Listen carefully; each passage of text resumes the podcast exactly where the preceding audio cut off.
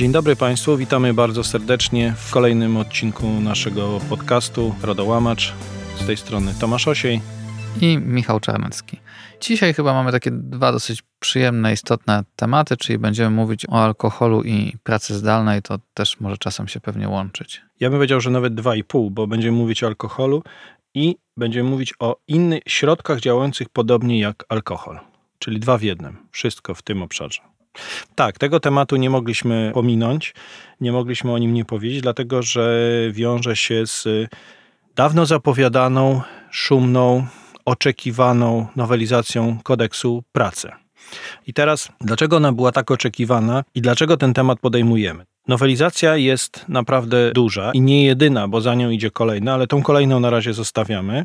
Natomiast to, co nas skłoniło do tego, żeby opowiedzieć, jest w końcu, mamy nadzieję, uregulowanie kwestii związanych z możliwością zbadania trzeźwości pracownika, czyli z praktyką, którą się mierzą wszyscy, ale nie była uregulowana. I w końcu chyba to nastąpi. Tak, temat był kontrowersyjny od pamiętnego wypadku autobusów. Problemem w zasadzie narodowym był brak przepisów, które bezpośrednio umożliwiałyby pracodawcom weryfikowanie stanu trzeźwości pracowników.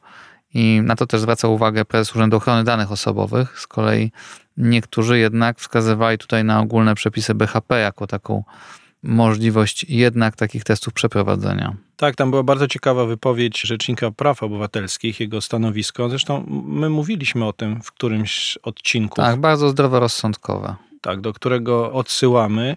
I pamiętam, że wtedy żyliśmy wszyscy na takiej fali nadziei zmian związanych z tym, że mamy pandemię, to nie była nadzieja, ale że ponieważ mamy pandemię, to pewne rzeczy muszą być absolutnie uregulowane i w ramach tej regulacji przynajmniej ten problem zniknie. No i on nie zniknął. On nie zniknął do dzisiaj. No i teraz co wynika z nowelizacji? Wynika bardzo dużo zmian, ale tak jak mówimy, od razu stawiamy tutaj przecinek, kropkę, zatrzymujemy się. Nas interesują tylko te dwa wycinki, czyli badanie trzeźwości i również na obecność w organizmach innych środków działających podobnie, czyli narkotyki, plus praca zdalna. I teraz dlaczego to jest interesujące z naszego punktu widzenia? Ponieważ my mówimy o RODO, to te rzeczy, które się pojawią, spowodują, że pojawi nam się nowy proces. Pojawi nam się coś, co wymaga opisania z punktu widzenia ochrony danych osobowych. To nie jest tak, że sobie to wejdzie do organizacji, bo my to wpiszemy gdzieś w regulamin i powiemy, jest wprowadzone. To wymaga trochę więcej gimnastyki z punktu widzenia RODO. Natomiast, żeby uporządkować ten temat, spróbujmy zrobić tak. Powiemy o najważniejszych zmianach, Później powiemy, co wynika bezpośrednio, jakie są wymogi związane z tym, że mamy RODO i musimy to wtłoczyć w naszą strukturę RODO, a na końcu powiemy już o pewnych pytaniach, ciekawostkach, które się pojawiają, związanych z praktyką, której de facto jeszcze nie ma. To jak jest? W tej chwili jest tak, że trzeźwość może być badana, tylko może być badana w zasadzie tylko przez organy do tego powołane. Pracodawca w sumie może to robić, jeżeli nie będzie tego automatyzował, jeżeli nie będzie tego wprowadzał do dokumentacji, jeżeli nie będzie tego obudowywał dodatkowymi informacjami, czyli ma taką bardzo szczątkową informację, która w zasadzie nie pozwala mu wyciągnąć z tego żadnej konsekwencji, ma coś, co jest półśrodkiem, ale praktyka mówi, że to działanie musi nastąpić, bo są sytuacje związane z kierowcami, budową i nie tylko z branżą budowlaną, gdzie te badania są przeprowadzane. I idąc z pomocą tym branżom, stwierdzono, że zostanie zmieniona ustawa o wychowaniu w trzeźwości. Zostaną zmienione przepisy, które będą mówiły o tym, że można przeprowadzić badanie w określonych warunkach. No i teraz tak, może zatrzymajmy się przy tym badaniu i tych warunkach, o których mówimy, bo badanie jako takie może się odbyć i może ono być badaniem, które jest badaniem przeprowadzonym przez samego pracodawcę, czyli wewnątrz organizacji, nawet nie pracodawcę, powiedzmy wewnątrz organizacji, to jest pierwsze. Drugie, może mogą zrobić do tego organy wyspecjalizowane i na samym końcu mamy badanie, które jest badaniem laboratoryjnym, które jest najdokładniejsze, najtrudniejsze do podważenia i pojawiają nam się nowe dokumenty. Czyli z punktu widzenia RODO mamy przypływ nowych informacji, mamy proces, który jest nafaszerowany ciekawymi danymi i znowu pewnie wrócimy do dyskusji. Nie wiem, jak sądzisz pod tytułem, czy takie badania przeprowadzane cyklicznie mogą oznaczać, że mamy do czynienia z informacją o nałogu, czy nie, bo chyba tego nie ominiemy, tego problemu. Zobaczymy. To jest jeden z I mamy jeszcze, zapytania. jeszcze mamy retencję. Mamy retencję. Mamy zabezpieczenie takich informacji. Mamy sposób zbierania. Tak, to wszystko spróbujemy jeszcze później wypunktować, ale teraz tak, mamy możliwość badania, mamy określone na jakiej podstawie, czyli mamy konieczność wprowadzenia tego do regulaminu pracy. To jest tak trochę jak z monitoringiem, to jest porównywalne, czyli sposób zaznajomienia z całą procedurą.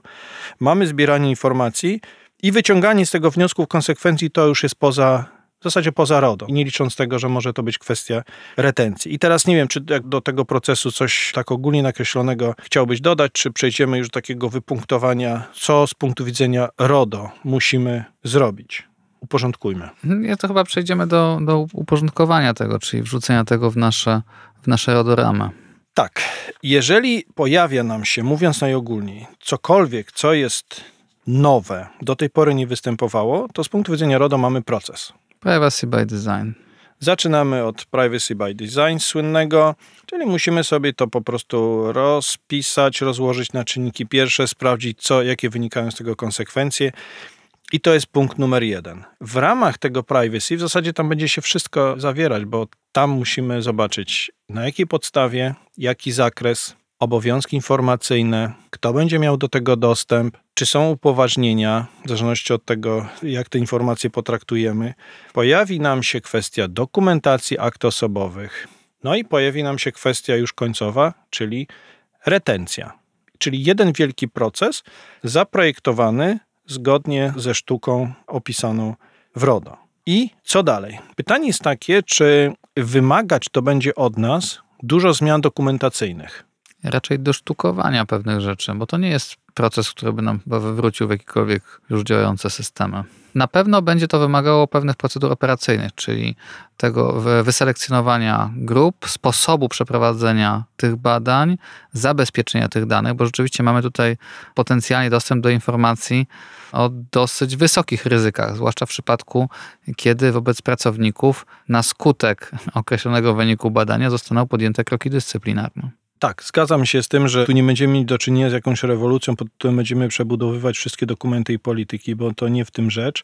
Zresztą w ogóle chyba byśmy też odradzali takie sytuacje, że pojawi się coś nowego, a my prowadzimy rewolucję w dokumentach. Musimy troszkę tych dokumentów, chyba najtrafniej jest ująć, dorobić. I zastanawiając się nad tym, w jaki sposób to zrobić, moim zdaniem najbliżej jest rzeczywiście do monitoringu. Czyli pojawia nam się nowy proces, pojawia nam się sytuacja, w której musimy wprowadzić to do regulaminu, trzeba zaznajomić ludzi z tym. De facto trzeba troszeczkę przeszkolić, czyli powiedzieć, w jaki sposób ta procedura będzie działać i powiedzieć, gdzie i jak. Zaraz przejdziemy do problemów, które tu się pojawiają, takich ciekawostek i w jaki sposób to opisać. Natomiast bez rewolucji tylko dodajemy dokumenty, umujemy to w procesie i korzystamy w końcu oficjalnie z możliwości, które powinniśmy mieć od dawna. To jest kwestia numer jeden, o której chcieliśmy powiedzieć. Praca zdalna.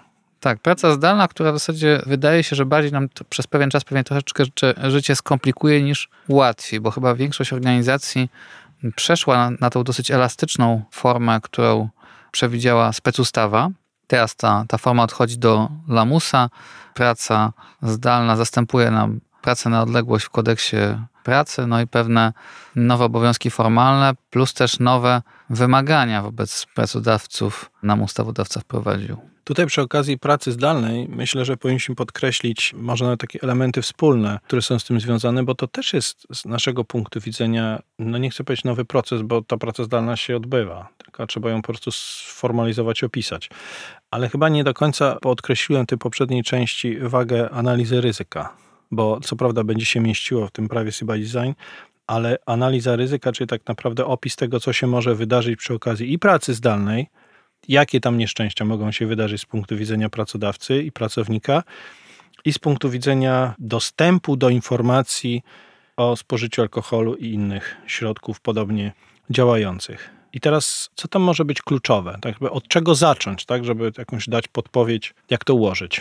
Jak rozumiem, teraz kluczem tej zmiany jest wprowadzenie pewnej stałości tego rozwiązania. Tak? Będziemy mieć kilka rodzajów pracy zdalnej, czyli taka ustalana wcześniej z pracownikiem, albo na jego wniosek, albo na żądanie pracodawcy, ale tylko w bardzo określonych warunkach. No i taka praca zdalna spontaniczna, tak, do około 30 dni w roku.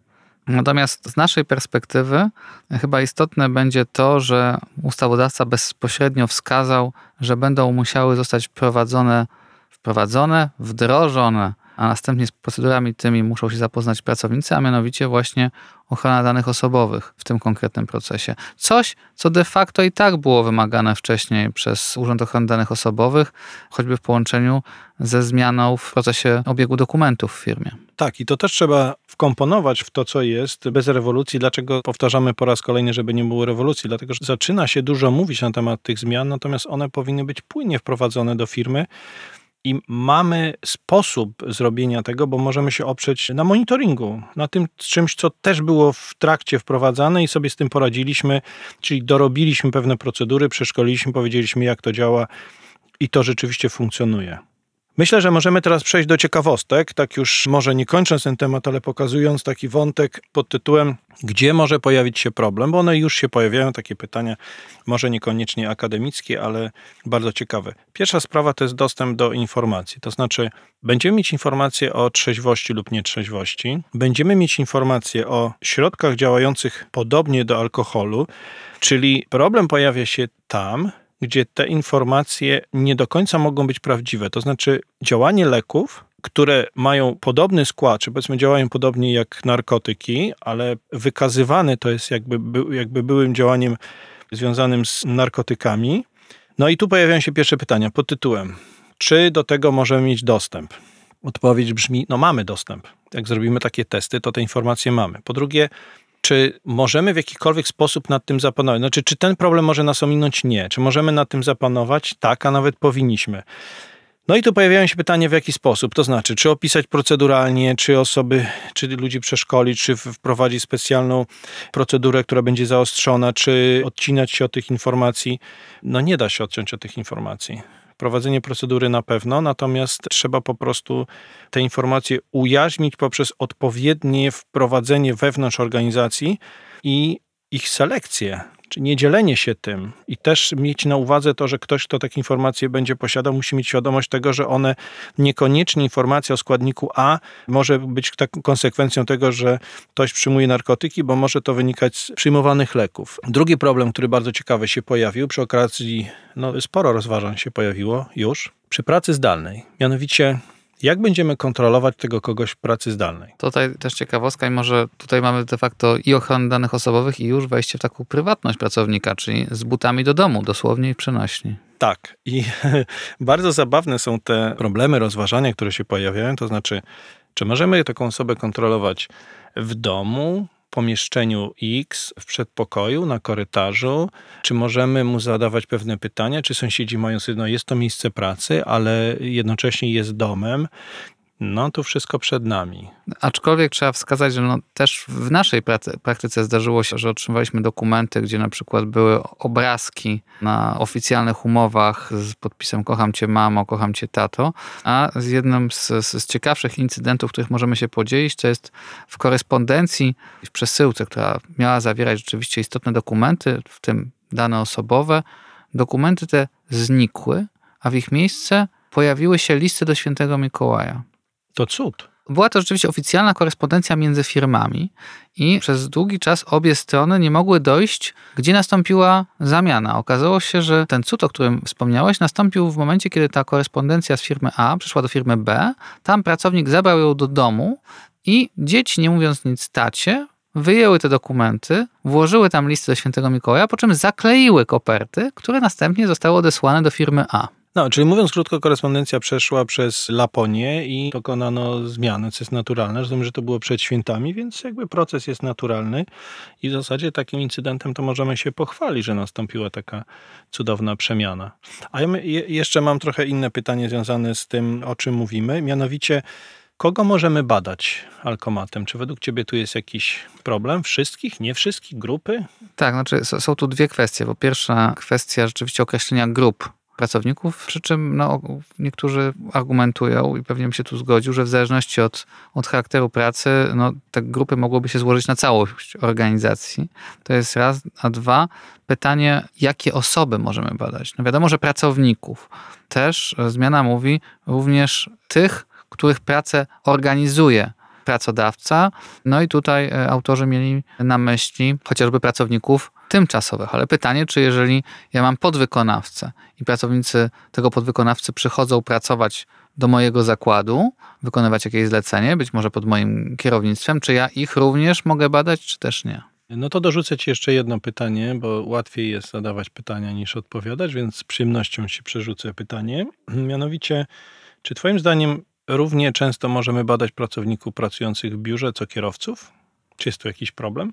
Wiesz co, wydaje mi się, że można to uzasadniać właśnie kwestią też analizy ryzyka, analizy zagrożeń, tak? Jest pewne bardziej zintensyfikowane ryzyko, jeżeli chodzi o osobę, która prowadzi pojazd, w którym znajduje się 100 osób, no a pracownikiem, który potknie się o kabel i złamie sobie Ołówek. Mm, ołówek, o, o, o myszkę. No tak, czyli tutaj opieramy się o analizę ryzyka. To już ostatnie pytanie. Czyli kryteria obiektywne. Kryteria obiektywne i opisane po prostu w procedurze regulaminu. I kolejne pytanie, które tych pytań jest bardzo dużo. Na pewno w jakimś kolejnym podcaście wrócimy do tych kwestii, bo myślę, że będzie dużo ciekawych przykładów z życia. Mianowicie, jak często możemy badać? Przy wejściu do pracy i przy wyjściu. A, i jeszcze będę miał jedno pytanie, ale zacznijmy od tego, jak często. Czy to też może podlegać jakimś szczegółowym ustaleniom, że pracowników biurowych badamy tylko raz, a kierowców dwa? A czym kierowca jest gorszy albo lepszy? Tyle, ile będzie trzeba. No, to jest właściwa odpowiedź, dobrze. No to jeszcze jedno pytanie, mianowicie, a gdzie tych ludzi możemy badać? Przy wejściu, przy wyjściu? Wiesz co, i też, też chyba pojawiały się opinie specjalistów w tej dziedzinie, z którymi ja się zgadzam. To znaczy, oczywiście przy wejściu i przy wyjściu pytanie, czy to może być widoczne dla innych pracowników. I wydaje mi się, że tutaj jeden ze, ze specjalistów to dobrze opisał, to znaczy, jeżeli rzeczywiście wyselekcjonowalibyśmy grupy pracowników i powiedzmy pracowników mamy grupę ABCD, będzie badana tylko grupa A, no to powinno być to robione w taki sposób, niedyskryminujące. To znaczy, żeby no, ci pracownicy z grupy B, C i D niekoniecznie przeglądali się, jak tutaj na uboczu pan Heniek lub pani Helinka dmucha w ten e, alkomacik, czyli pewną prywatność powinno się im zapewnić. Natomiast jeżeli byśmy tutaj nikogo nie dyskryminowali i całe biuro byłoby badane, no to już w tym momencie niekoniecznie te środki powinny być też tak restrykcyjne. Tak, myślę, że temat zakończymy, bo, że tak powiem, popłynęliśmy z tematem, ale on jest bardzo ciekawy. I na Jeszcze przed będziemy... wiosennymi roztopami. Tak, tak, a jest tu naprawdę, jest, jest w czym pływać. Na pewno do tematu jeszcze powrócimy, bo praktyka nam pokaże, w którą stronę pójdą różne wyzwania związane z tym zagadnieniem. Reasumując, jakby z mojego punktu widzenia, bardzo się cieszę, że ta zmiana jest. Znaczy nareszcie legalizujemy coś, co do tej pory było w takiej trochę szarej strefie, czyli badanie trzeźwości i dodaliśmy też badanie pod kątem innych substancji. Pracę zdalną, która de facto odbywa się, tylko w tej chwili opisana jest jako instytucja, więc generalnie odczytuję to jako pozytywne, plus pełna świadomość tego, że trzeba to wpisać w system przepływu danych i ochrony danych. Czego sobie i Państwu życzymy i jak zwykle życzymy również spokojnego przetwarzania. Dziękujemy bardzo i do usłyszenia.